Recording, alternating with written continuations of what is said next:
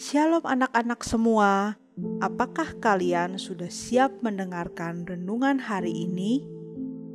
Renungan hari ini berjudul Pembawa Damai dari 2 Korintus 5 ayat 17 sampai 18. Pernahkah kalian melihat temanmu yang sedang berkelahi?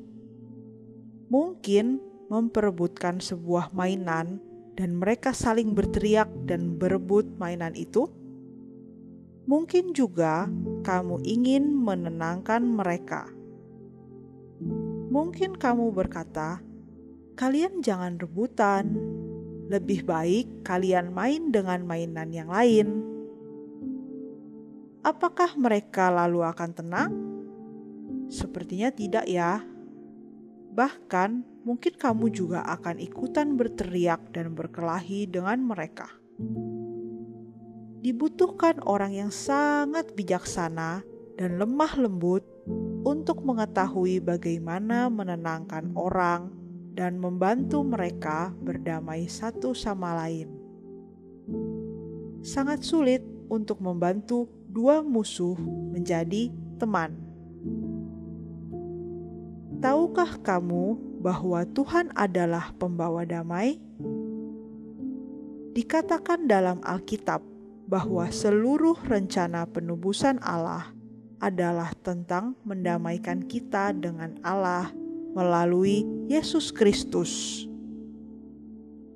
Kata kerja "mendamaikan" berarti menyatukan meluruskan, berdamai, karena Allah itu kudus. Dia menentang dosa.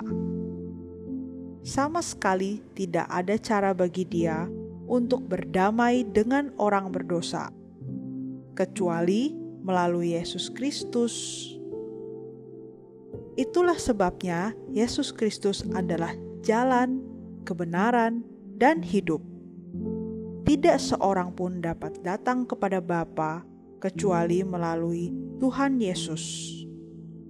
Karena Dia menjalani kehidupan tanpa dosa, mati untuk orang berdosa, dan bangkit dari kubur, Yesus memenuhi syarat, mampu dan diizinkan untuk menjadi jembatan kita, menghubungkan kita dengan Tuhan.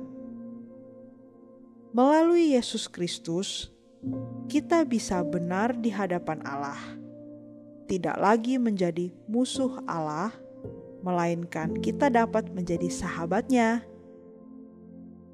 Yesus Kristus adalah alasan kita dapat berdamai dengan Allah. Dalam 2 Korintus 5 mengajarkan bahwa kita yang sekarang telah diperdamaikan dengan Allah harus juga berusaha mendamaikan orang lain dengan Tuhan.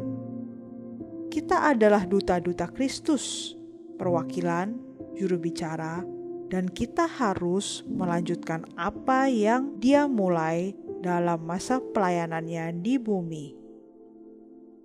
Matius pasal 5 ayat 9 menunjukkan janji ini. Berbahagialah orang yang membawa damai, karena mereka akan disebut anak-anak Allah. Melalui Kristus, Allah mendamaikan orang percaya dengan dirinya dan meneruskan kepada mereka pelayanan pendamaian. Amin. Tuhan Yesus memberkati.